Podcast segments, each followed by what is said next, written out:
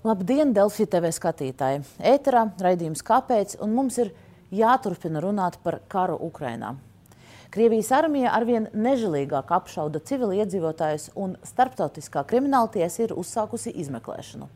Vai Vladimirs Putins nonāks uz apsūdzēto sola Hāgā, un vai pašu Krieviju gaida nemieri? Tūlīt diskutēsim.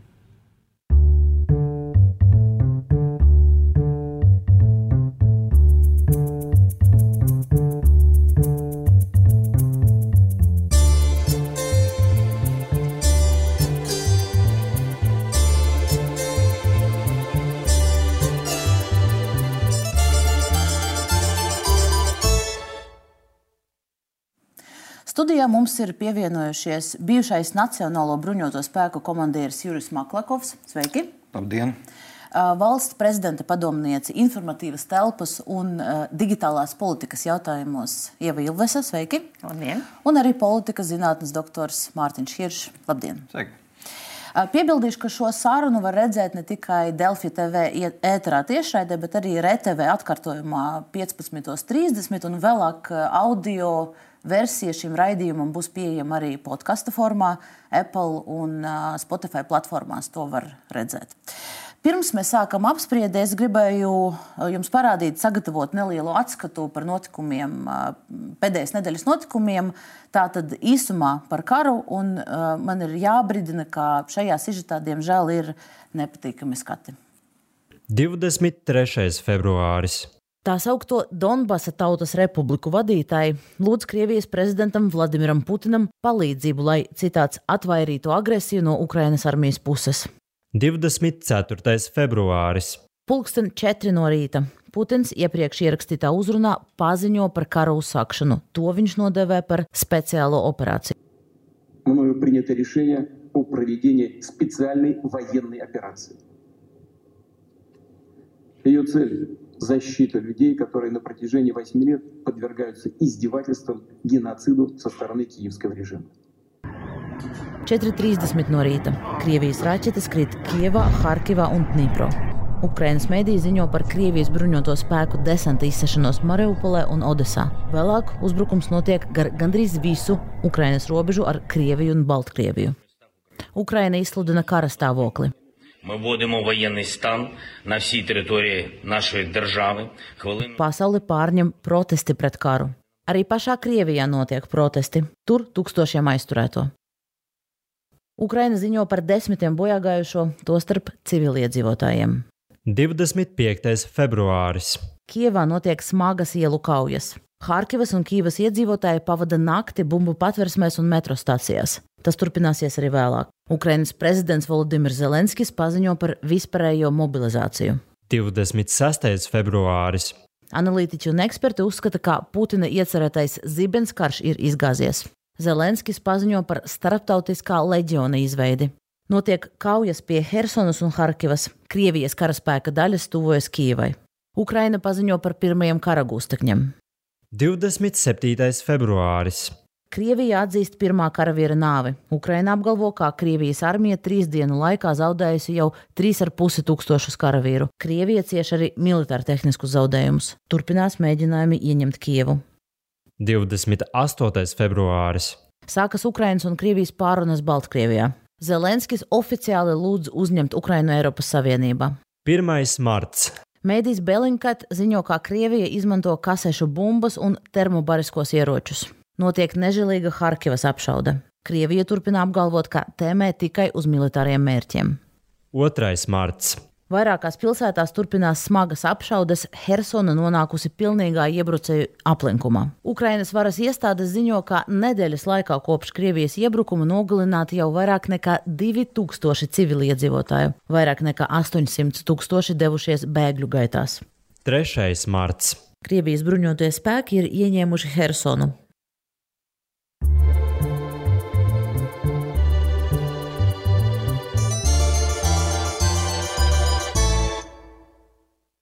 Miljonus Ukraiņas iedzīvotāji devušies bēgļu gaitās šajās dienās, un pēc Ukraiņas dienas aplisēm 2000, vairāk nekā 2000 civili iedzīvotāji ir zaudējuši savas dzīvības. Sarunu mēs sāksim ar pēdējiem notikumiem. Šī nakts bijuši, bijusi īpaši nemierīga. Krievijas armija uzbrukusi atomelektrostācija Zaporožijā, izcēlies ugunsgrēks naktī. To izdevies uh, likvidēt, bet tagad pēdējais ziņas ir, ka ir nograndis sprādziens ap, ap, tajā apvidū. Uh, mans jautājums ir, vai tiešām šī var būt daļa no militārās taktikas? Tas Maklako kungam ir jautājums. Labdien! Um... Mana atbilde būtu sekojoša, ka e, ņemot vērā Černobaļa atomelektrostacijas piemēru, Krievija apdom, apdomāti ir gājusi uz e, Zaborožas atomelektrostaciju, tādā veidā ieņemot viņu un e, nu, pēc viņa vārdiem nodrošinot, nodrošinot lai pie viņas nepiekļūtu un ne, nu, netiktu nekāda izdarītas provokācijas attiecībā uz to. Nu, bet, tas ir viņu skaidrojums. Jā, bet, jā, eh, jā, bet, tas, tas, bet īstie mērķi ir kādi? Nepārprotami tas, tas ir viņu skaidrojums, eh, bet īstie mērķi eh, ir tas, ka ir sācies karš. Ukrainā, un nepārprotami viņi grib pārņemt kontroli par visu teritoriju. Tā ir skaitā par tā saucamo kritisko infrastruktūru, kas arī ir atomelektrostacija. Bet šis ugunsgrēks, sprādziens tikko noticis, tā ir nu, no viņu puses nejaušība. Tas ir, tas, vai tas arī bija izplānots kaut kādā veidā? Šodien, to... skatoties no rīta Krievijas ziņas, viņi pamato to, ka tas vispār nekāds notikums nav bijis ka tas vienkārši izcēlās ugunsgrēks, bet eh, to, ko mēs zinām no rietumu mēdījiem, no Ukraiņas mēdījiem, ka tur ir noticis sprādziens un ir pamatoti fakti eh, cilvēki, kas redzēja to, ka notika apšaude.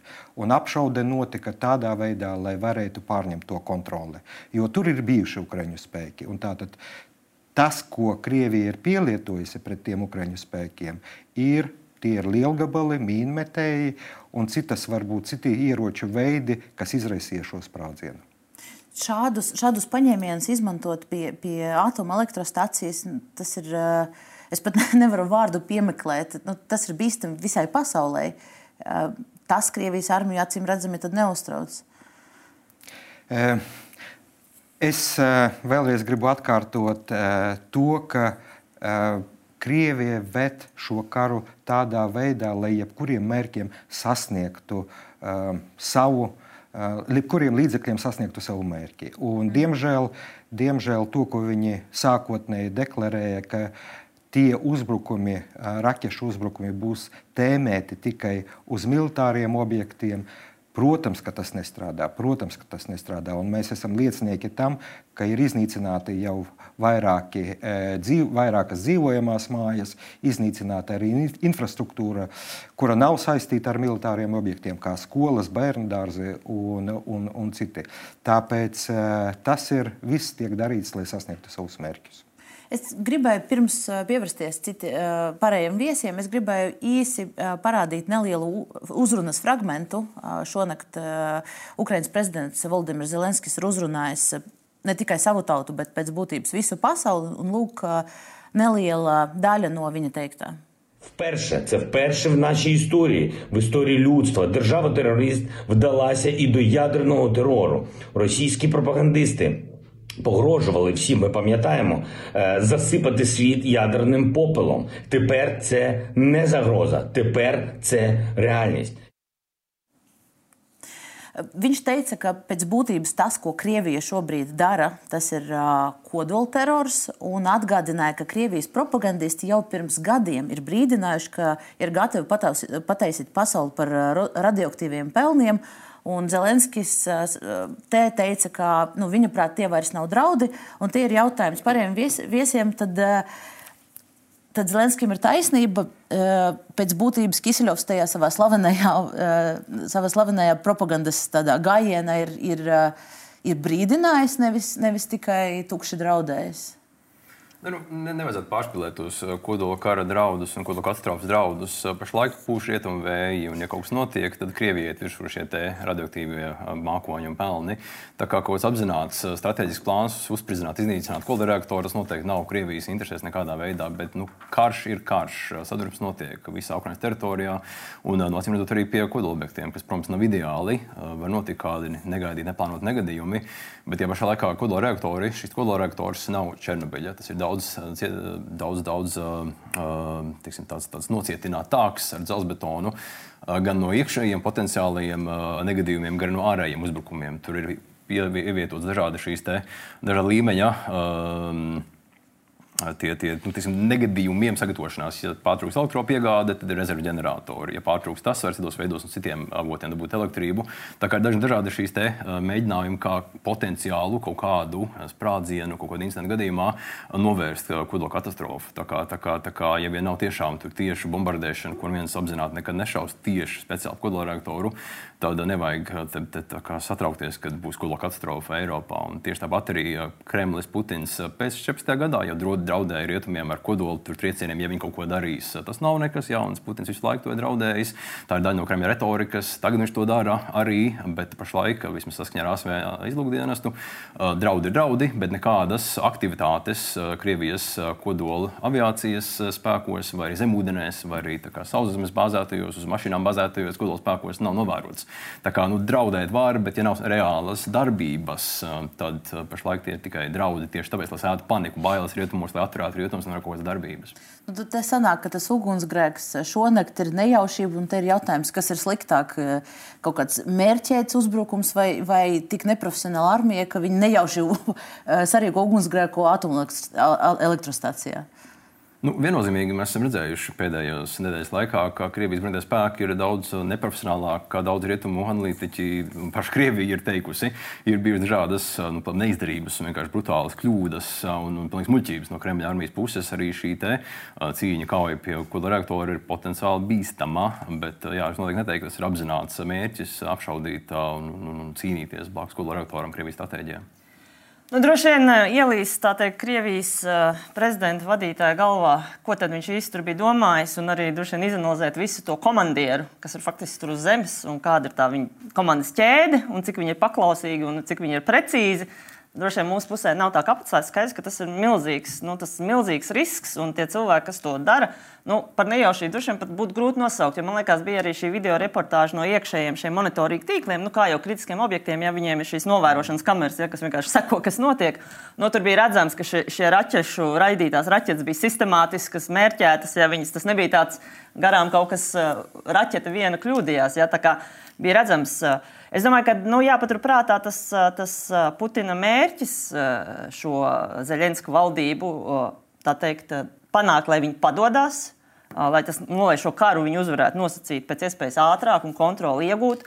Un skaidrs, ka jebkurš līdzeklis viņam šobrīd ir nu, noderīgs. Ja? Un, un, un tas ir teiksim, tieši tāpēc, viņš teiksim, šo, nu, šo līdzekļu izvēli sāk paplašināt, jo acīm redzami šis, šis blitzkrieg vai ne, teiksim, tas, tā cerība, ka viņš ātri ienāks un, un Kijava vai Ukraiņas valdība padosies, nav realizējies. Ja, nu, šobrīd tā taktika tiek izvērsta pēc iespējas nu, sāpīgāk, spiest uz Ukraiņu valdību to savu nu, atkāpties vai, vai padoties, vai nu, kas ir tas gala mērķis, lai iegūtu šo kontroli. Un uzbrukumi civiliedzīvotājiem ir daļa no šīs es domāju, ka tas ir, nu, ir slāpjas liekšņa celšana. Tas ir tā, lai teiksim, tas izmisums un tā, tas, tas sāpju moments valsts vīram, prezidentam, ja, kas tomēr nes atbildību par visu valsti, ir kaut kāda novest līdz tādai kritiskai robežai, ja, lai viņi, lai viņi teiksim, padotos, lai viņi šīs, šīs Krieviju absurdā, Krievu, Krievijas vai faktiski jāsaka, prezidenta Putina absurd, absurdās izvirzītās prasības, jo tiešām gribās nodalīt ja, šo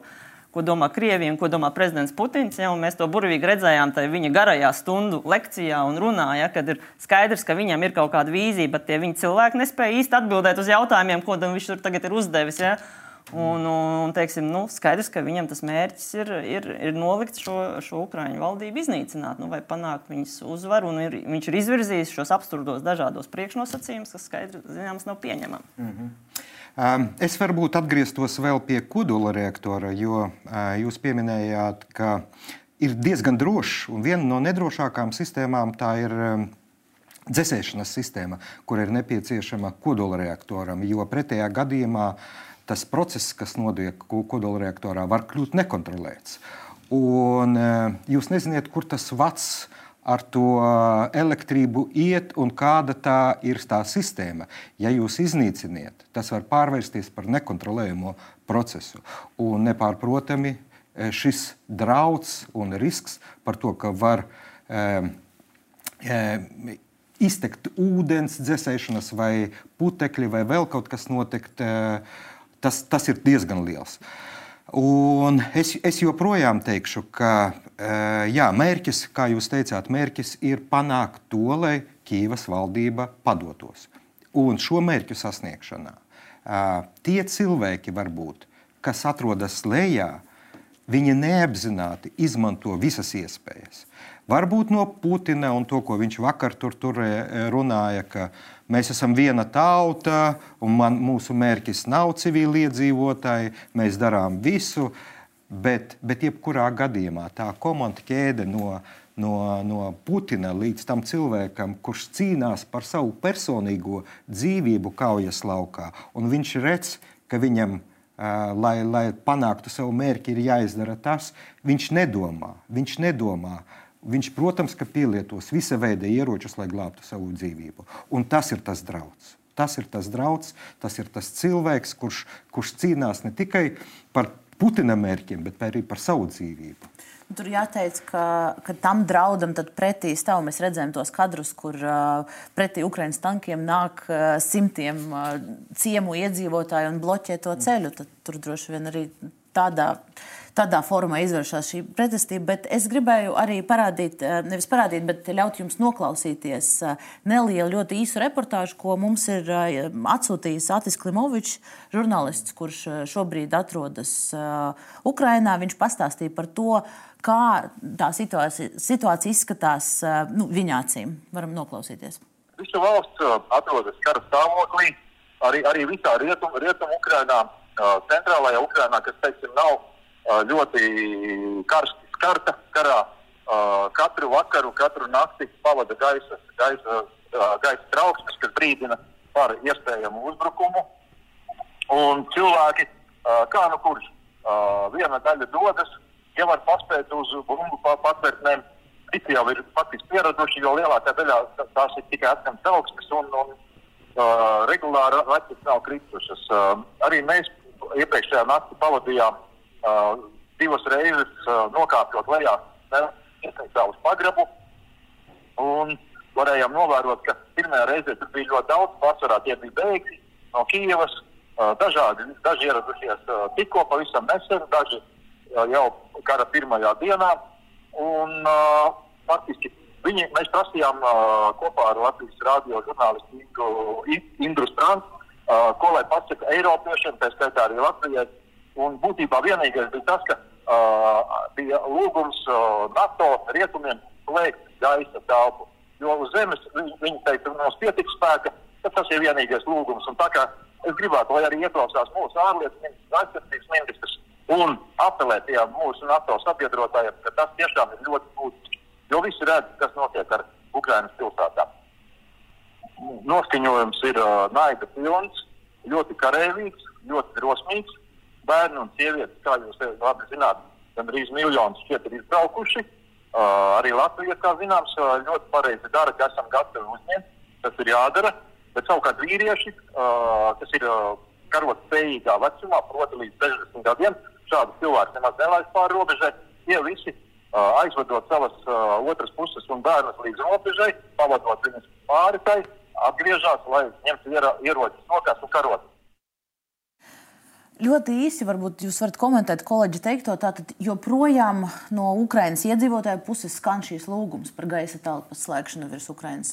Mm. Uh, ir skaidrots vairāk kārt, ka šīs nav iespējams, jo tas izraisītu pretestību jau starp Krieviju un, un NATO valstīm, jo NATO mm. būtu tas spēks, kas kontrolētu šo, šo gaisa telpu. Vai tur ir iespējams kaut kādas nobīdes tagad, ņemot vērā šo situāciju? Um. Izskanēja, izskanēja tas arguments par šantāžu ar atomieročiem. Vēl pirms kara sākuma Ukrainā es teicu, un teicu, ka Putins darīs visu, lai panāktu savus mērķus. Un šodien es arī mūsu sarunā šeit šo tematu turpinu. Tāpēc man tā liekas, ka tā nav šantāža. Un es esmu par to pārliecināts, pat iekšēji pārliecināts, ka ja Putinam neizdosies panākt savus mērķus, tad viņš izmantos jebkuru līdzekli. Un tāpēc tā gaisa telpas slēgšana no mana viedokļa ir arī tas, ko varbūt nepie, e, nebūtu nepieciešams veikt, ņemot vērā to faktu, ko es tikko minēju. Ja, nu, ko praktiski nozīmē gaisa telpas slēgšana? Tas nozīmē, ka NATO iznīcinātājiem, NATO sauszemes e, gaisa raķetēm jānotriec Krievijas lidmašīnas. Jā. Tas, tas ir gaisa spēku slēgšana. NATO ir jākaro ar Krieviju. Uh, nu, to NATO mm. nedarīs. NATO neuzbruks Krievijas spēkiem. Tas, protams, ir traģiski un briesmīgs ne tikai Ukrainā, bet uh, nu, ar Krieviju mēs nekarosim, jo Krievija ir šie kodolieroči. Nē, es domāju, nu, es piekrītu kolēģiem, un tā pozīcija šodien ir tāda, ka mums, nu, mums ir svarīga arī NATO vienotība. Ja, teiksim, lai mēs paši savā pusē esam uz vienu lēmumu, un tur jums ir pilnīgi taisnība. Te šobrīd viennozīmīgi skaidrs, ka NATO nevēlas nonākt situācijā kā karojošā puse, teiksim, karā. Ja. Kaut gan mēs vēsturiski esam redzējuši piemērus, un es pat šodien kā reiz pas, paskatījos. Ja nemaldos, tā bija Irāka, kurā tika nodrošināta šī faktiski mazs segments nu, ļoti specifiski definēta operācija. Un es domāju, ka teiksim, nu, šādas opcijas ir uz galda un tiek diskutēts. Par šādām opcijām šobrīd nav vienotība, un mēs arī šobrīd tādu neizsveram. Ja? Bet es, man gribētos arī teikt, ka tās situācijas, kas notiek Ukrajinā, tas, kas nebija iespējams vakar, nav izslēgts, ka nav iespējams rīt, jo, jo tiešām situācija mainās pa stundām. Un man liekas, tas moments arī, cik, cik varbūt nu, nežēlīgi prezidents Putins ir runājis, es, vismaz tas atreferējums no ar Francijas prezidentu, ja, ka nedodot pat nekādu mm. uh, humanitāro koridoru, zaļo koridoru iziet, ja, jo mēs saprotam, ka, piemēram, tā Kijava varētu tikt aplenkta, ja, un tur varētu būt nu, diezgan nežēlīgi, ja, nu, paskatoties apakaļ Sīrijas pieredzi, ja, kas notika ar Alepo un tā tālāk. Līdz ar to man negribētos teikt, ka tādas opcijas neeksistē, un mēs arī vēsturiski redzam, ka tāda opcija ir izmantota. Respektīvi, ļoti specifiski no, definēta misija, kur kara, nu, teiksim, nav, tas nav kara pieteikums, un, un teiksim, šī spēka vai šī notriekšana tiek izmantot gadījumā, ja tiek uzbrukts šai NATO lidmašīnai, kas faktiski šo koridoru nosargā. Ja?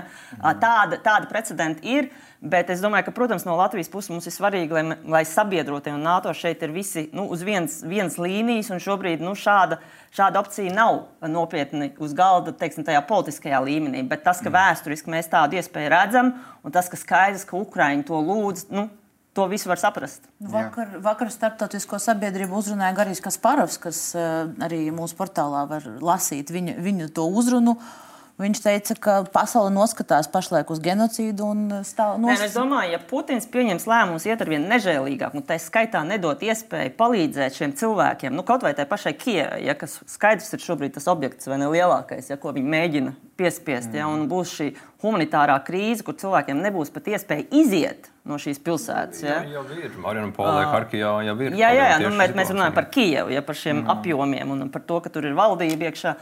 Es domāju, ka nu, teiksim, viņi spiež skaidrs sabiedrotos izsvērt vēl visādas citas opcijas. Bet... Jūs zināt, vakar notika otrs uh, pārunu rauns, un es tiešām nezinu visas tās detaļas. Mēs zinām to, ko arī publiski, publiski mums ziņoja par to, ka tas humanitārais koridors uh, būs no Kievas. Un man tā liekas, tas ir tas jautājums, uh, kas būtu nepieciešams uh, uz šīm pārunām runāt un to, ka mēs nodrošinām vai neizmantojot to gaisa telpu. Jo, uh, pret, jo, pretējā, jo pretējā gadījumā jā, tas, tas ir ļoti, ļoti, ļoti bīstami. Ļoti bīstami jo uh, lidmašīnas un uh, kā ierocis tiek izmantots. Un, uh, kā jau teicu, tas ka varbūt šī lidmašīna notriekta, varbūt izšauta, tas riska vai kļūdas Eh, varbūtība ir ļoti liela. Un, Uh, Ukrainā ir trīs atomelektrostacijas. Uh, Ukrainā ir arī civiliedzīvotāji, un varbūt arī par ko, par ko ir jādomā. Un, un tiešām, ja, ja Putins izsludina, ka tā ir militārā operācija, ko neviens nepiekrīt, tad varbūt arī ir jārunā par to, ka pārtrauciet izmantot lidmašīnas. Es domāju, ka tas varētu būt tāds viens no, viens no variantiem. Nu, Katrā šīs opcijas tiek diskutētas. Mēs redzam, analītiķi, starptautiskie analītiķi, protams, viņas piedāvāja. Jā, teiksim, tā kā, tās opcijas jau arī rietumu pusē visas mm. tiek izsvērtas un, un tā, tā teikt, tā, šīs, šīs ieguldījums un, un, un riski ja, tiek samēroti. Vēl viens eh, iespējams tāds iebiedēšanas paņēmiens, kas tiek izmantots pret eh, Vladimiru Putinu, ir eh, starptautiskā tribunāla draudi. Un nākamajā raidījuma sadaļā mēs mēģināsim saprast, vai, vai Hāgā Vladimirs Putins sēdēs uz apsūdzēto soli.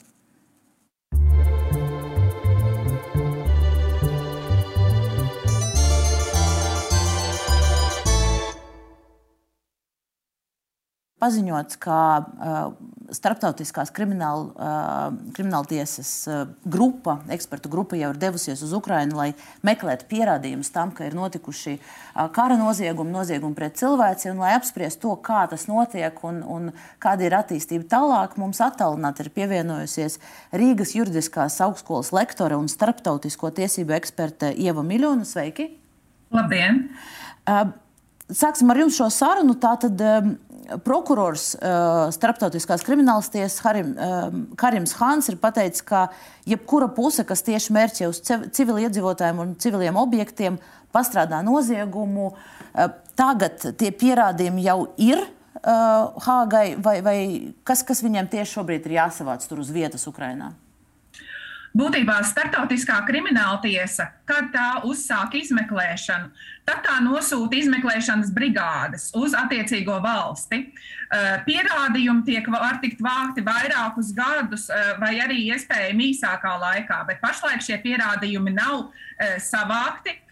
Startautiskās krimināltiesas jurisdikcija nozīmē arī to, ka Startautiskā krimināltiesa izdod aresta orderi Tas nozīmē, ka uz jebkuru valsti, kas ir starptautiskās krimināltiesas dalībvalsts, kur šis orders ir izdots, un kur Putina kungs varētu ceļot, viņš varētu tikt arestēts šajās valstīs, kur šis orders stājas spēkā.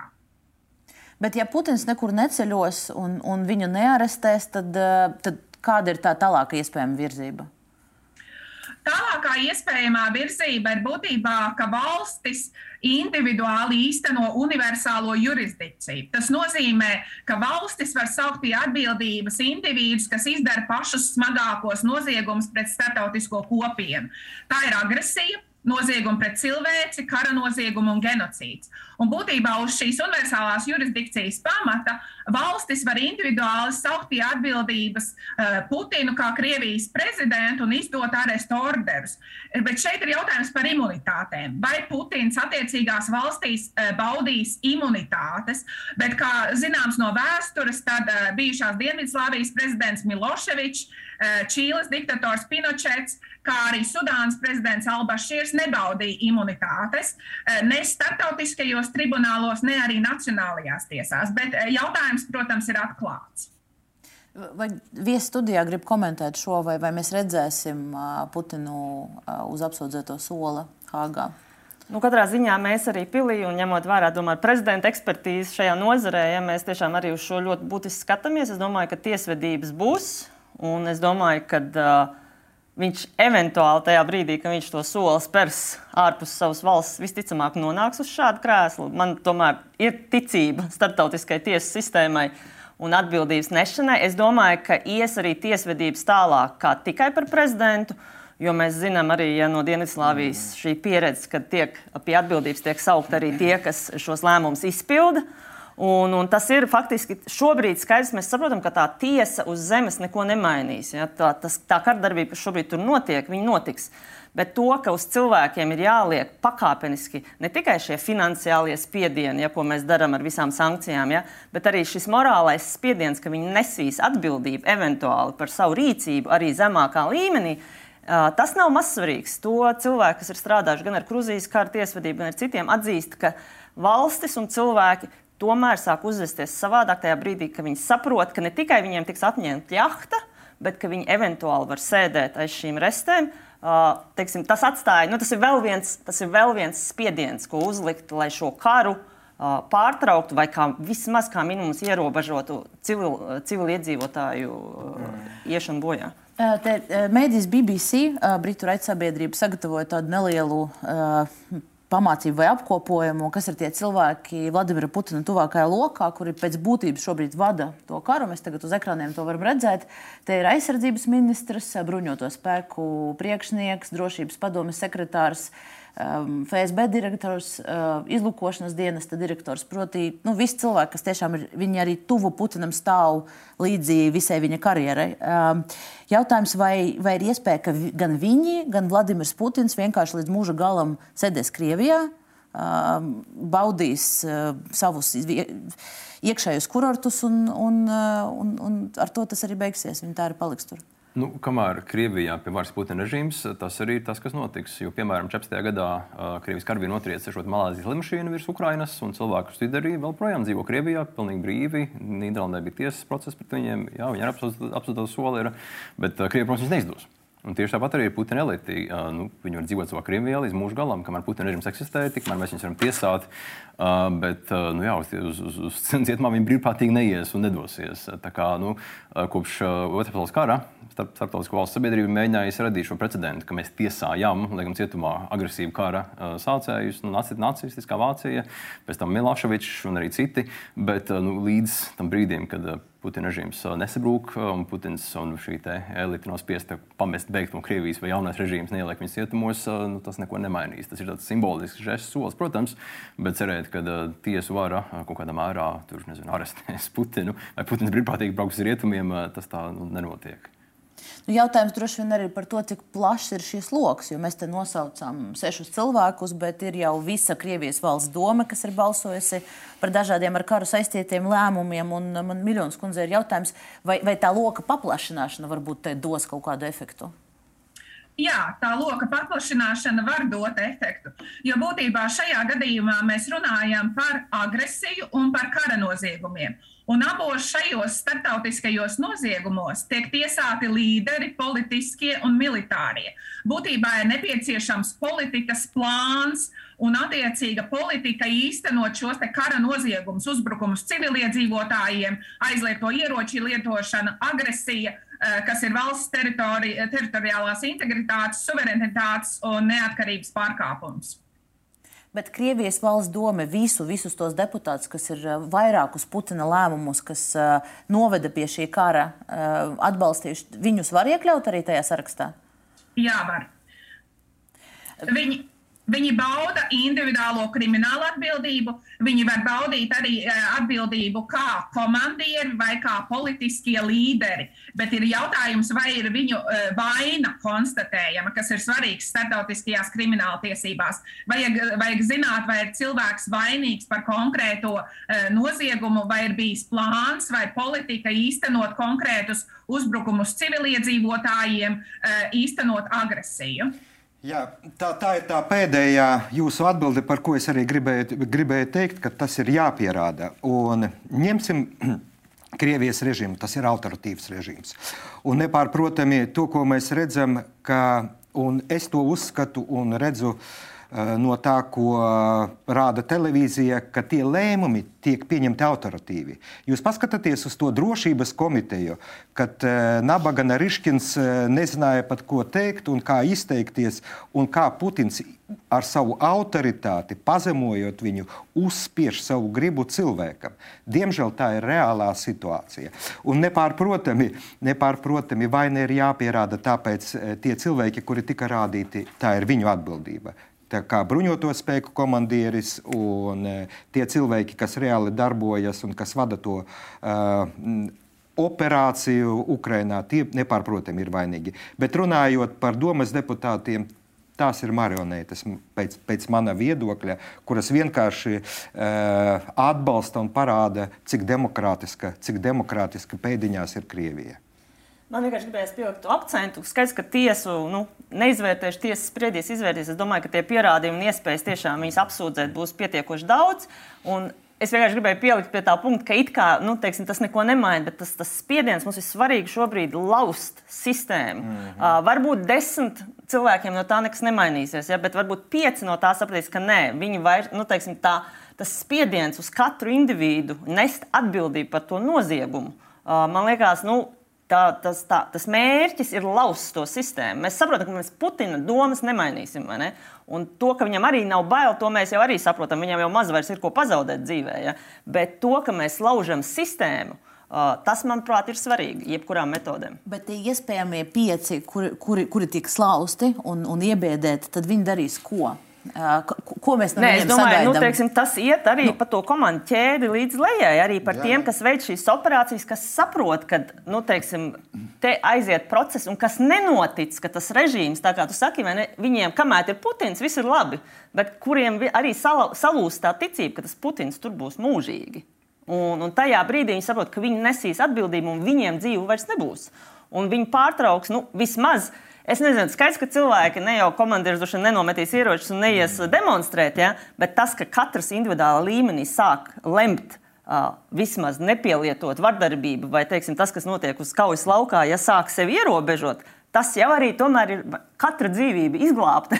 tomēr ir, ir panākums.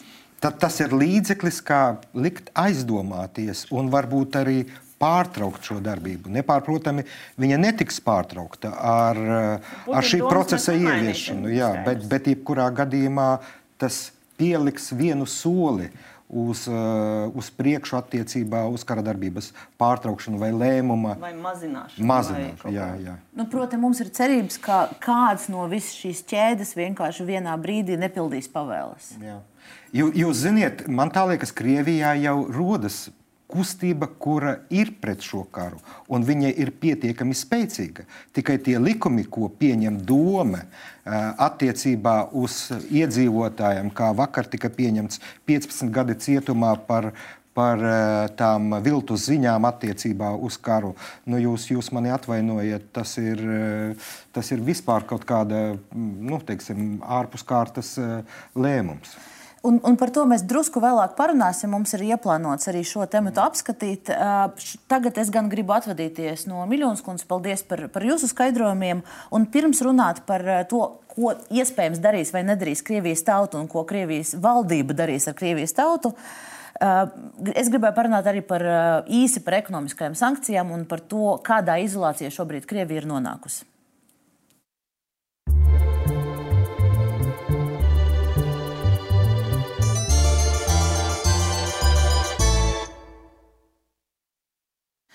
Tātad šobrīd sankcijas pret Krieviju tiešām ir nu, iespaidīgas. Tādas visi eksperti saka, ka nu, tādas neviens nav gaidījis. Tur ir gan individuālas sankcijas, gan pašlaik arī pat Vācija arestē Krievija, Krievijas prezidentam uzma, pietuvinātā oligarhu Usmanovu jahtu, kas nu, vēl pirms dažām dienām vispār nebija iedomājamas. Nerunājot par, eh, par, par um, Krievijas bankas sistēmas atslēgšanu no, no, no pasaules pēc būtības. Un, uh, mums attālināti pievienojusies Ina Steinbuka, fiskālas disciplīnas padomas priekšsēdētāja. Jums ir pirmais jautājums, vai jūs jau tagad redzat, kā eksperte, ietek, sankciju ietekmi uz Krievijas ekonomiku? Ne tikai es redzu, bet es domāju, ka galvenokārt Krievijas iedzīvotāji to izjūt uz savas ādas. Paskatāmies, cik strauji kritās rubļa vērtība. Par dažām dienām tā vērtība ir nokritusi apmēram par 30%. Un, protams, ka tas nav stāsta gals, tas nav stāsta beigās. Tātad rubļa vērtības kritums noteikti turpināsies. Um, paskatīsimies, kāda uh, liela, cik liela ir tagad uh, centrāla bankas likme. Uh, 20% šobrīd. Tas nozīmē, ko tas nozīmē vispār cilvēkiem un uzņēmējiem. Tad, tad cilvēks, ja viņš grib ņemt kaut kādu um, kredītu bankā, tad viņam būs jāmaksā uh, vairāk nekā tie 20%. Parasti komercbankas um, sniedz kredītu uh, hipotekāro kredītu, piemēram, jāpār likme, kas ir augstākā par centrāla bankas likmes. Un tas nozīmē, ka tos kredītus vienkārši neņems. Tas nozīmē, ka arī būvniecībai draud lielas problēmas. Tad, principā, ja cilvēks grib varbūt, noguldīt savus, savus līdzekļus, uzkrātos līdzekļus bankās, Man liekas, nu, principā teorētiski tik liela, tik augsta likme var, um, var stimulēt um, uzkrājumu pieaugumu, bet um, reālajā dzīvē tas noteikti nenotiks. Tāpēc, ka uh, cilvēki mēģinās kaut kādā veidā izpirkt, nopirkt vēl varbūt pieejamos dolārus vai eiro, jo tas tā kā ir drošāks, bet, um, bet ļoti dārgi. Uh, ļoti drīz cilvēki izjūtīs arī elementāro preču trūkumu veikalos. Pat ja mēs ņemam zāles, pret zālēm principā nav nekādas sankcijas noteiktas, bet visi darījumi ar Krieviju bankām, bankas garantijas, nedrošību, banku atslēgšanu no SWIFT un tā tālāk, tas ļoti, ļoti apgrūtina jebkurus darījumus. Tā ir skaitā ar zālēm. Un jau tagad mēs redzam, kā Krievija pieaug medikamentu cenas, pieaug pārtikas cenas, uh, nu, pieaug um, arī citu preču cenas. Es nesen redzēju vienu cenu salīdzinājumu, burtiski pa nedēļu. Tur elementāra fēna arī cena pieaug. Tā kā uh, notiek cenu pieaugums. Es domāju, ka uh, daudzi cilvēki vēl nevar apzināties, cik uh, lielā mērā tas sankcijas ietekmēs viņa dzīvi. Nu, un Coca-Cola pagaidām ir vēl Krievijas tirgu, bet var arī aiziet. Bet jau aizgāja IKEA aizgāja citi monstri. Es jau nerunāju par, eh, par, par, par tādiem uh, investoriem, kas pameta Krievijas tirgus, kas varbūt kas noteikti ietekmēs uh, nu, kaut kādu uh, uzņēmumus. To parasti cilvēki uzreiz neizjūtīs, bet viņi izjūtīs tas, ka pieaug cenas un deficīts. Nākamais bezdarbs. Pagaidām vēl, pagaidām vēl mēs tikai varam nojaust, kā bezdarbs būs. Jo, ja lieli uzņēmumi tiks slēgti, aizejot ārzemju kapitālam, tad kur tad tie darbinieki strādās? Ja? Um, nākamais um, lidojuma pārvietošanas. Tad cilvēki nevarēs, nu, es par Eiropu vispār nerunāju. Protams, ka var, var vēl ceļot, es nezinu, uz Eģipti un uz Turciju, bet tas būs ļoti dārgi. Tas būs ļoti dārgi, cenas pieaugs, kas tad var atļauties. Nu, lūk, tas ir, um, un tas nav, kas saka, um, eh, pilns, um, uh, pilnā līste uh, ar, ar, ar, ar, ar, to, ar to ietekmi uz parasta cilvēka dzīvi. Nu, drīz arī nebūs ar ko lidot un ar ko braukt, jo arī visi, gan, gan lidmašīnu ražotāji, gan arī automobiļu ražotāji ir savas, savas piegādes ir, ir, ir, ir apturējuši. Jautājums... Bet es vēl gribētu vienu lietu, kas varbūt vēl nav tik acīm redzama. Mēs pēdējā laikā runājam par to, ka um, tātad, um, rietumu valstis pagaidām ir ļoti piesardzīgi ar sankcijām pret uh, enerģētiku. Un mēs zinām, ka uh, budžets Krievijā veidojās, nu, teiksim, ne pilnā mērā, protams, bet, nu, lielā mērā no tiem ienākumiem uh, no naftas un gāzes. Uh, Bet es speciāli paskatījos, kāda ir um, Krievijas naftas cena salīdzinot ar uh, citiem uh, pasaules piegādātājiem. Tā ir ievērojami zemāka. Un tas ir tāpēc, ka darījumi ar Krievijas uh, naftas piegādātāju tiem um, tirgotājiem ja, uh, ir riskanti. Arī tādā riskanti darījumi bankas nesniedz garantijas. Līdz ar to Krievija tirgo naftu ar atlaidēm un tas ir bez sankcijām. Tā kā ja būs vēl ieviestas sankcijas, papildu sankcijas, tad tas ienākuma avots arī pazemināsies.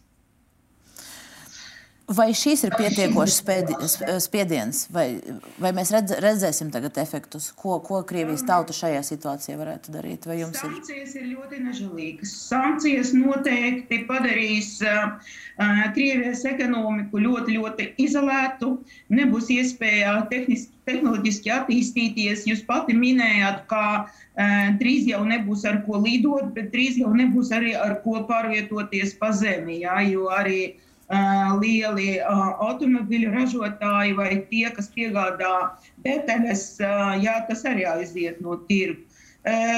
Es jau nemaz nerunāju par personīgām sankcijām oligarkiem, bet no oligarki noteikti viņam nebūs jānakšņo patversmē, un viņam arī būs ko ēst. Par viņiem es vismazāk pārdzīvoju. Parastie cilvēki noteikti izjūtīs pilnā mērā. Ne uzreiz, bet tuvāko nedēļu laikā, tas jau, vai mēnešu laikā, tas jau būs viņam vairāk skaidrs. Bet Paldies. nozīmē, vai tas kaut ko dos. Ja, ja mēs runājam par to, vai Putins apturēs kara darbību, neapturēs, neapturēs. Un es ļoti, ļoti piekrītu Maklakova kunga teiktam, ka, ka viņš nenodarbojas ar šantāžu. Es personīgi arī ticu, ka viņa draudi, tā skaitā kodola draudi, nav vienkārši šantāža. Līdz ar to tas ir ļoti naivi domāt, ka ekonomiskās sankcijas apturēs viņa viņa domu gājienu un, un to rīcību. Viņam ir nepieciešama uzvara, uzvara par katru cenu. Cietīs, protams, parastie uh, iedzīvotāji ekonomika atgriezīsies padomju laikmetā. Rūblis varētu kļūt ar lielu varbūtību, kļūs par tā saucamo koka rūbli. Nu, ko es varu piebilst vēl? Jā, paldies, paldies par šo analīzi. Jautājums viesiem studijā. No šī gandrīz apakalipses scenārija Krievijas iedzīvotājiem un ekonomikai, vai mēs varam secināt, nu, ko, ko, ko, ko, līdz kam tas novedīs? Vai, vai Krievijas tauta būs novesta līdz tādam stāvoklim, ka tā nu, izies ielās neskatoties ne uz ko? Nu, droši vien grūti spekulēt. Es domāju, ka tas, atkal, ne, tas, tas ir visa tā instrumenta lāde, kas mums ir no militārā līdz tiesiskajam, līdz ekonomiskajam. Ja, nu, teiksim, mēģināt pēc iespējas caur visiem šiem instrumentiem novājināt. Es domāju, ka skaidrs, ka kaut kāds atzars no viņa atšķelsies arī šo ekonomisko iemeslu dēļ. Arī tāpēc, ka teiksim, viņa ģimenes, viņa ģimenes locekļi vairs nevarēs ja, studēt, mācīties, dzīvot. Teiksim, cilvēkiem jau dienas beigās ir arī kaut kāda personiskā dzīve un interese. Ja.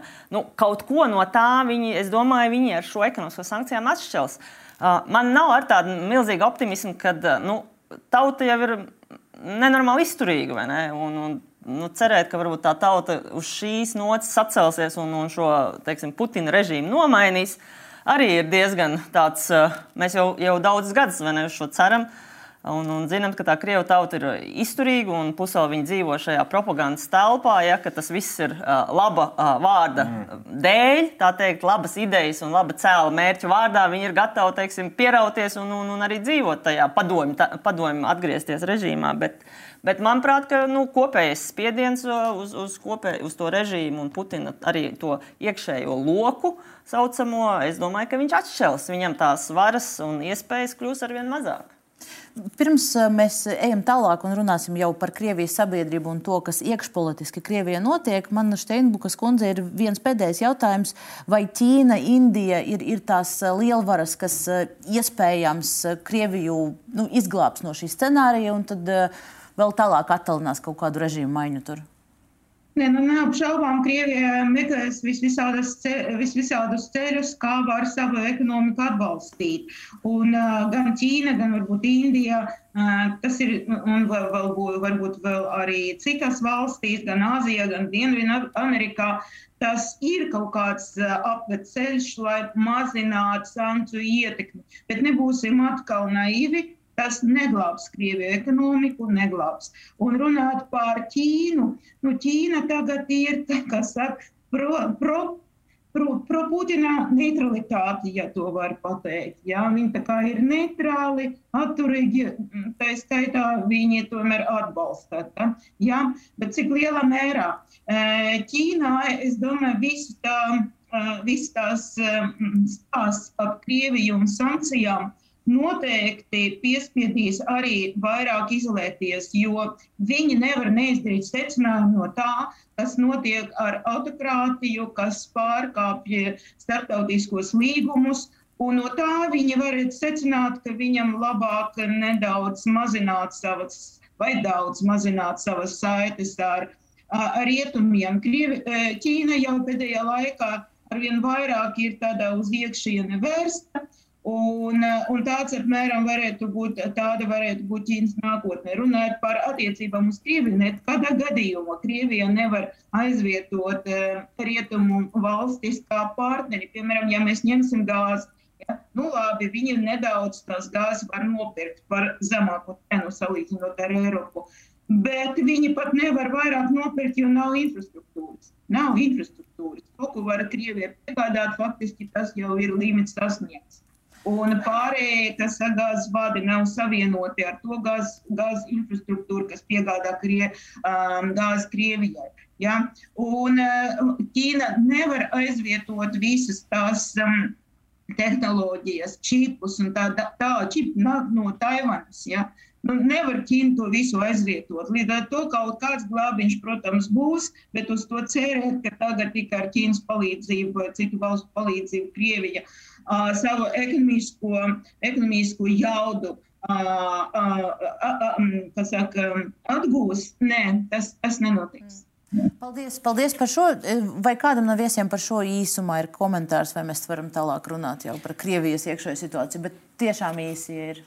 Jā, es, es varbūt atbalstītu Ilvas kundzes to teicienu, ka tas ir komplekss, pie kā ir jāstrādā. Nepārprotami, tauta ir pacietīga, var izciest, un uh, viņa var nomierināt, ko arī panāk, uh, panāk, uh, mēģina panākt Putins. Bet, bet komplekss, mēru komplekss ir jāpieņem.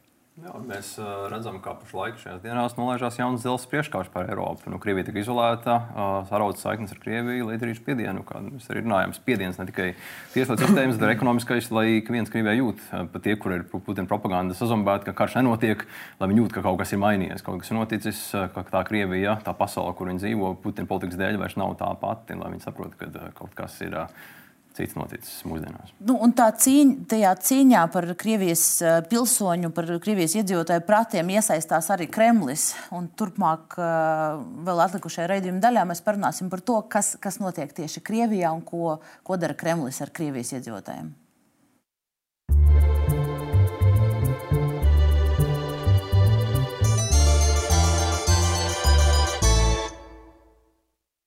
Pēdējās dienās bieži skan tāds teikums gan no Latvijas politiķiem, gan no ekspertiem, ka kāru Ukrainā var apturēt tikai Krievijas iedzīvotāji. Un mans jautājums viesiem.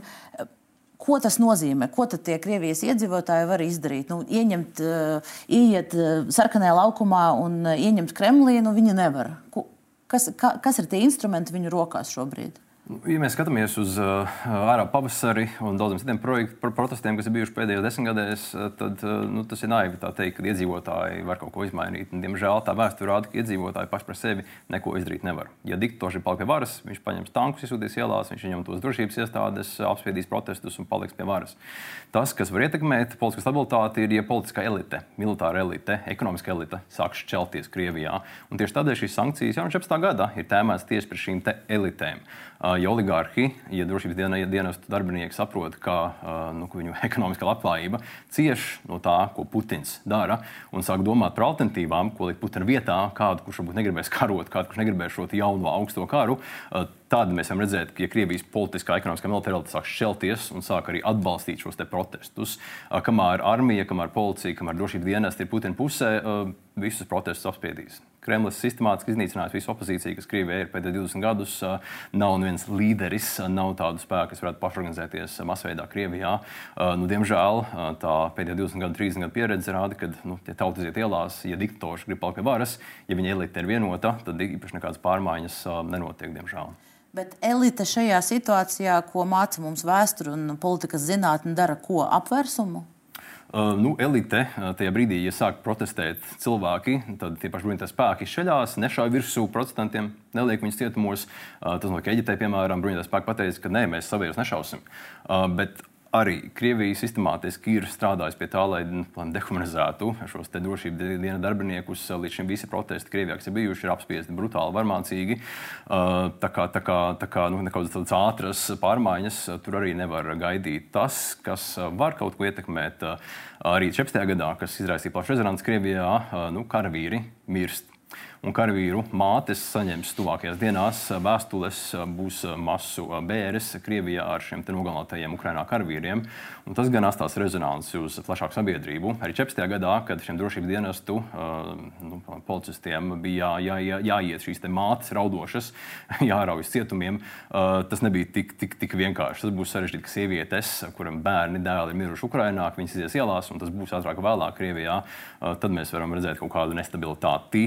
Bet, nu, kopumā Putina režīms ļoti stiprs. Viņš iznīcinās visu opozīciju, tur nav kaut kādu tādu pašlaik plaisas parādījušās. Te jautājums droši vien, vai citi Krievijas iedzīvotāji tās mātes ielās ieraudzīs, jo tagad, kā jau Maklakova kungs sākumā minēja, pēdējais, nu pat šodien pieņemtais likums Krievijas valsts domē ir jebkuru pēc būtības cilvēku, kas pat kaimiņam pasaka patiesu informāciju par to, kas Ukrainā notiek, var ielikt cietumā, un ja to izdara žurnālisti ar interneta palīdzību vai kaut kādiem citiem komunikācijas mērķiem, tad paņēmieniem tad ir 15 gadi. Un tur ir virknēs, tagad necitēšu visus likumus un visas idejas, kas tagad Krievijas valsts iestādēm ir, bet, bet tur ir tā vēršanās šobrīd, šajās dienās, notiek vēl. Vēl tāda nopietnāka. Es varbūt īsu fragment nospēlēšu no mūsu intervijas ar Krievijas sociologu Grigoriju Judinu. Es viņam prasīju, kā tagad Krievijas sabiedrība pēc šiem pēdējiem, pēdējās dienas pieņemtiem likumiem, kā tā izskatīsies. Это дорога на террор э, со всеми вытекающими последствиями. Э, я напоминаю все время, да, что Россию там приостановили э, ее участие в Совете Европы. Она в ответ на это вполне может этого Совета Европы выйти. Совет Европы – это единственное, что отделяло Россию от восстановления смертной казни. Nu, proti, te, te jautājums, cik tālu Putins ies, un, un šis varbūt ir pat retorisks jautājums uz doto brīdi. Uh, izies ielās uh, kritušo karavīru mātes, Nu. To neredzēs neviens, izņemot viņas pašas. Nu, Putins darīs visu, lai paliktu pie varas. Tieši tāpat visi elite darīs visu, lai paliktu pie varas. Tieši tāpēc, ka mēs, mēs runājam, šīs ekonomiskās sankcijas, šī tribunāli, viņiem nav atkāpšanās ceļa. Viņi nevar aizbraukt kaut kur uz, uz kādu, kādu vilnu Šveicē, lai nodzīvotu vecumdienas veiksmīgi, jo viņi nonāks uz absolūto soli rietumos. Tā kā viņiem nav kur atkāpties, viņi mēģinās palikt pie varas ar kādiem līdzekļiem. Tur, jā. Redziet, es, es, es varbūt paturpināšu to, ko mēs arī runājam. Jebkurā lietā ir tā saucamā kritiskā masa. Zelenskis vai aizsardzības ministrs Ukrainā ir paziņojis, ka, ja mātes grib saņemt savus karavīrus, kuri, kuri ir paņemti gūstā, lūdzu, nāciet, mēs viņus atdosim. To cilvēku skaits, kas ir paņemti gūstā, ir ļoti liels. Un, es nedomāju, ka māti vai tēvu atturēs kāds likums attiecībā pret arestu un 15 gadiem un tā tālāk. Šie cilvēki noteikti ies. Šie cilvēki noteikti ies ielās un dari, darīs visu. Un to, to, ko jūs minējāt attiecībā pret tiem cilvēkiem, kas ir apkārt, apkārt Putinam, noteikti tur ir nesaskaņa. Noteikti tur ir nesaskaņa. Nevar būt tā, ka uh, tie, kas sēž domē, tie, kas sēž apkārt Putinam ministru kabinetā un viņa, viņa padomnieki, viņi piekrīt tam. Vienkārši viņi saprot, ka tas ir viņu darbs un ka tas ir. Bet noteikti ir pretrunas. Un šīs pretrunas viņas pieaug. Un tā kritiskā masa noteikti tiks sasniegta. Un pateicoties gan sankcijām, gan mātēm kritušiem, gan arī neapmierinātībai, gan arī tie cilvēki, kas, eh, kas dotajā brīdī sāk pārdomāt, eh, kas, kas notiek valstī, noteikti tāda kritiskā masa tiks sasniegta. Un uz šīs nots mums eh, būs jāatvadās no RTV skatītājiem, jo ēters, lineārais uzliek mums noteiktus laika ierobežojumus. Mēs Delfi TV studijā turpināsim diskutēt un sarunāties, bet RTV ēterā atvadamies no, no viesiem. Paldies visiem! Un Turpmāk es gribēju runāt arī par to, kas notiek ar Krievijas mēdījiem. Jo šodien, vienā dienā pēc būtības, mēs redzam, ka ceturtdien tika bloķēta Meduza Krievijas teritorijā, Facebook, Twitter, Deutsche Welle, BBC, Radio Liberty nav redzams, Eha Moskvi likvidēts. Došs arī vakar bija pēdējais pēc būtības ēters, jo viņi saprata, ka pēc šī jaunā likuma Viņi nevarēs vairs runāt atklāti par notikušo un būt žurnālisti. Es gribu īsi parādīt, kā izskatījās pēdējie kadri Došķa ēteram vakar.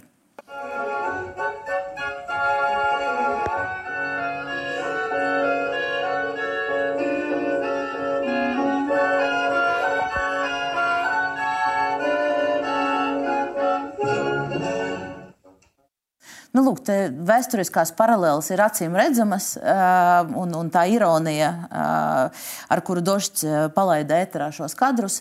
Bet mans jautājums viesiem ir, vai šīs nozīmē, ka ne tikai paši, paši Krievijas iedzīvotāji nevarēs saprast, kas viņu valstī notiek, bet arī mēs nezināsim? Nu, viņi jau tagad nevar saprast, kas notiek. Doža medu, med, medūza nebija, nebija īpaši populāra Krievijā. Lielie Kremļa propagandas mēdī bija tie, kas bija visvairāk patērēti. Un to Kremlis darīja sistemātiski. Atņēmis uh, visus, visu, visu mēdīju brīvību. Tie mēdīji, kas ir populāri, kas ir lieli, ietekmīgi, tie visi Kremļa kontrolē mūsdienās. Un desmit gadus tie ir uh, nu, stāstījuši alternatīvu pasaules skatījumu Krievijas iedzīvotājiem. Un tāpēc mēs redzam, ka tagad daudz, daudz cilvēku Krievijā nezina, ka vispār kas notiek, jo Kremļa mēdī to nestāsta. Tāpēc uh, daudz cilvēku Krievijā arī atbalsta Putinu. Putinu, jo nu, tas, ko Kremļa mēdīs stāsta, parāda Putinu labā gaismā. Ja kaut kādas problēmas, ne jau Putins vainīgs, bet vietējie gubernatori, neizdarīgi birokrāti un tā. Tā kā, tā kā Kremlis sistemātiski ir, kontrolējis visu informācijas plūsmu savās rokās, lai parādītu cilvēkiem savu versiju par pasaulē, Krievijā notiekošo. Un tā ir milzīga problēma, nu, kad cilvēki nevar dabūt neatkarīgu, un vēl mazāk tagad varēs dabūt neatkarīgu informāciju par to, kas notiek pasaulē. Jo par to bija plašs plaš pētījums. Pat ja cilvēks ir kritiski noskaņots pret uh, Krieviju, pret Kremli, ja viņš dabūtu tikai vienpusē informāciju, atkal, atkal, atkal viņiem nav tie fakti, lai pieņemtu nu, lēmumu par to, kas realitātē notiek. Ja tu nestāsti ziņās, ka ir karš, nu, tu vienkārši nezini to, ja vien tev nav kaut kādas papildus spējas, mediju pratība un spēja atrast šo informāciju internetā vai citos alternatīvos avotos. Bet arī mēs nezinās, nezināsim, kas tur notiek pie viņiem. Tā ir problēma. Ne? Nu, jā, jā, jā, un nē. Nu, informācija no Krievijas nāks ārā. Ķīnā, nu, tā, tie pašā Ziemeļkorejā arī ir pavisam totalitāra šī informācijas kontrole, bet mēs zinām, kas notiek Ziemeļkorejā pat. Tā kā informācija nāks ārā, ja nebūs brīva žurnālistika, bet nu, nav tā, ka tur Krievija pilnībā izies no pasaules. Milzīga valsts. Mums visiem ir draugi paziņas, kas dzīvo Krievijā. Nu, mēs, mēs varam kontaktēties ar viņiem. Nu, pēc šiem jauniem likumiem tagad tie draugi un paziņas nedrīkstēs mums stāstīt, kas tur notiek. Nu, tas, tas gan jā, bet nu, nav, nav tā, ka, ka to teiksim, tā. Krievija, tieši pat kā Ķīna, nespēja, nespēja monitorēt visu internetu. Ir dažādi, dažādi veidi, kā drošos WhatsApp, ne WhatsApp, bet ir dažādas aplikācijas, kur var sazināties tā, ka neviena drošības iestāde tevi neizsakos. Kā, tu... Jā, nu es, es droši vien slēgšos piebilst. Modernās tehnoloģijas tomēr iet uz priekšu. Es nezinu, mēs varam kriptēt, mēs varam anonimizēt. Mēs, nu, es domāju, ka te būs, mēs redzēsim virkni inovācijas, kā šo informācijas telpu, nu, cīņa par informāciju turpināsies. Es pilnīgi piekrītu, ka, protams, klasiskais televī, televīzija un rādio, ja, kas ir valsts kontrolēts propagandas kanāls vai Kremļa konturēts Putina vēstījumiem. To mēs, protams, pārņemt nevarēsim, ja tas vienmēr paliks. Un, un, un, un, teiksim, tur jācer, ka tas spiediens, ja šis ekonomiskais un visas šie, šīs absurdās situācijas, ja viņas liks cilvēkiem uzdot šo jautājumu un apšaubīt šī, šo varu, vertikālu, šī Putina teikt, gudrību un, un, un prātīgumu, ja ko viņš dara tajā Kremlī. Bet es domāju, ka tehnoloģijas šobrīd tiešām iet uz priekšu. Mēs jau, protams, skatāmies uz vēsturisko pieredzi, ja, bet tehnoloģijas iet uz priekšu. Domāju, tur būs, mēs redzēsim ļoti daudz kreativitātes, kā šo informāciju gan no turienes saņemt, gan arī dot atpakaļ. Es domāju, te būs jautājums, cik mēs spēsim palīdzēt pašiem žurnālistiem, mēdīju resursam. Visticamāk, ja pārcelties arī no Krievijas un strādāt citur, ja skaidrs, ka mums šodien mūsu visas acis ir uz Ukrajinu ja, un glābt to situāciju te, bet es domāju, ka mums arī būs ļoti lielā mērā jāfokusējas, kā mēs palīdzēsim šiem demokrātijas cīnītājiem, ja, gan žurnālistiem, gan cilvēkiem Ukrajinā. Un, un tie, bū, tie, tie būs arī tādi. Krievijā atvainojos, jā, Krievijā, ka, nu, teiksim, kā mēs varētu sniegt atbalstu viņiem, arī iespējams dot iespēju strādāt no mūsu valstīm, no citur. Mums jau šī pieredze ir. Tā kā tas būs vēl viens svarīgs atzars, ja, bet nu, skaidrs, ka šobrīd, kamēr iet šis asiņainais, eh, asiņainais slaktiņš eh, faktiski Ukrainā, ja, tā, tā mums, protams, ir prioritāte apturēt šo, šo nežēlīgo karu. Ātri papildinot, uh, nu, tas ir arī šo ekonomisko sankciju mērķis. Ja Kremļa propaganda stāsta, viss ir lieliski, ja cilvēks nevar samaksāt ar karti veikalā, tad, tad nu, viņam jāsāk domāt tieši tā, tieši tā, kas notiek noticis. Ja Kremļa propaganda nestāsta neko par to, kas notiek realitātē, tad šīs sankcijas... tā Kremļa propaganda ir brutāla, vai ne? Kas notiek, ka tu nevari samaksāt? Nu, šie tie jaunie jā. rietumi, ja, kas mhm. mums tagad ir faktiski mhm. uzlikuši uz bada ceļu, ja, un grib jūs... Krieviju, nu, teiksim, skaidrs, ka tur tas vēstījums, drau, nu, tas ir nu, neticami, ja, ja to paskatās, man liekas, vispār nevar noticēt tam, kas, kas, ka, tā var, ka tā var pastāstīt, bet jā, var. Jā, jā. Jebkura sabiedrība e, ir sadalīta, kā jūs zināt. Ir cilvēki, kuri skatās tikai televīziju. Viņi joprojām un līdz šim skatījās tikai Krievijas televīziju. Tā ir lielākā, varbūt lielākā daļa. Ir cilvēki, kuri paralēli televīzijai skatās internetu, lasa avīzes, grāmatas, ceļo. Un man tā liekas, tā sabiedrības daļa, kura līdz šim zināja, viņa atradīs tos līdzekļus kur piekļūt. Un pats svarīgākais, mans, mans viedoklis ir, tā kā reiz tā sabiedrības daļa, par kuru mēs runājam, tā ir tā elite, kura var pacelt, pacelt tautu un izskaidrot, kas notiek. Bet tas, ka var pamatot jebkuru, um, jebkuru ārprātu, ka tas ir labi priekš Krievijas. Protams, ka to Krievija dara, un to viņi izdarīs. Un, uh, tas, kas notiek, un, uh, Pa, ekonomiskās situācijas pasliktināšana nepārprotami. Viņi, viņi pārliecinās tautu, ka tā vajag, vajag ciest, mums uzbrūk un, un, un mēs uzvarēsim. Tas ir tas, ko no 14. gada Krievijā dara. Stāsta, ka pašpietiekamība ir kaut kas Jā. ļoti labs. Mēs neesam atkarīgi no tiem ļauniem, briesmīgiem rietumiem. Mēs paši varēsim nodrošināt pilnīgi visu.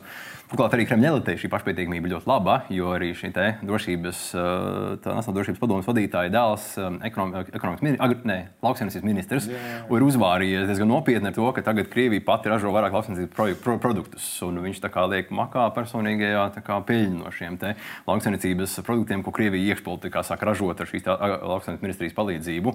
Tā kā elitei var pat nākt pa labu šīs sankcijas, jo oligārhi pietuvinātie cilvēki būs tie, kas šos produktus, kuri vairs nenāk uz Krieviju, mēģinās aizstāvēt aizstāt. Tā kā tur, tur tā. Tomēr ļoti mazs lokāls samats. Bet es gribēju piemest pie tās mēdīņu diskusijas, starp citu, mēs jau te visi strādājam tādā 24 stundu režīmā, tur visas tās opcijas nav izpētītas, jo tiešām tā pieeja pa visu to perimetru, ja visus tos instrumentus aktivizēt.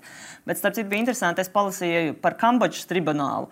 Un tur faktiski ir arī mēdīji saukti pie atbildības, krimināla atbildības par nasu, ra, rasu naidu un arī par genocīdu, par karu. Ja. Sankcijas arī uz Respektīvi, ja, nu, es domāju, ka mums ir arī jāpaņem nu, tas aspekts un jāsaprot, ka arī šis Kremļa propaganda, ja šī televīzija mm. un tie cilvēki, kas tur, tur jau mēs jau redzam, es saprotu, ka kādi jau sāk atkāpties, kādi saprot, ka viņi var būt līdzdalībnieki šajā noziegumā. Ja. Un, man liekas, tas nav mazsvarīgi. Arī šo mēdīju pusi spiest skaidrs, ka atkal, ne, teiksim, mēs risinām visu tādā steigā. Nu, šobrīd mums ir svarīgi glābt dzīvības, un ne tajā Uk Ukrainā tieši. Bet tas, ka arī Krievijas mēdīji nesīs atbildību, es domāju, ka tas arī ļoti nu, skaļi ir jāpaziņo, ir jāskata līdzi un ir jā, jāved tā tiesvedība. Mm. Šīs iespējas visas jāskata līdzi pa visu to spektru, kas var uh, salauzt šo. šo šo sistēmu, kas, nu, to, kas ļauj Putinam šo kāru šobrīd realizēt. Nu, tad, tad mēs arī sekosim līdzi, redzēsim, kā attīstīsies Hāgas tribunāla stāsts un, un vai tiešām tur šis lokus tiks paplašināts, kā mēs runājām, un, un kas notiks iekšā pašā Krievijā. Un vai mēs spēsim arī palīdzēt gan Ukraiņai, gan Krievijai pietiekoši, lai, lai šis karš beigtos. Līdz ar šo jāatvadās no viesiem, jāatvadās no skatītājiem. Paldies, liels, ka jūs mums šodien sekojāt līdzi. Es atgādināšu, ka audio versija šīm raidījumam pieejama arī podkastu formātā, Spotify un Apple platformās.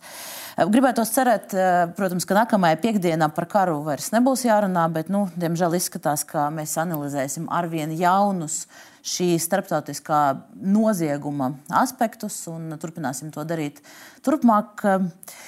Paldies viesiem, skatītājiem. Tiekamies pēc nedēļas.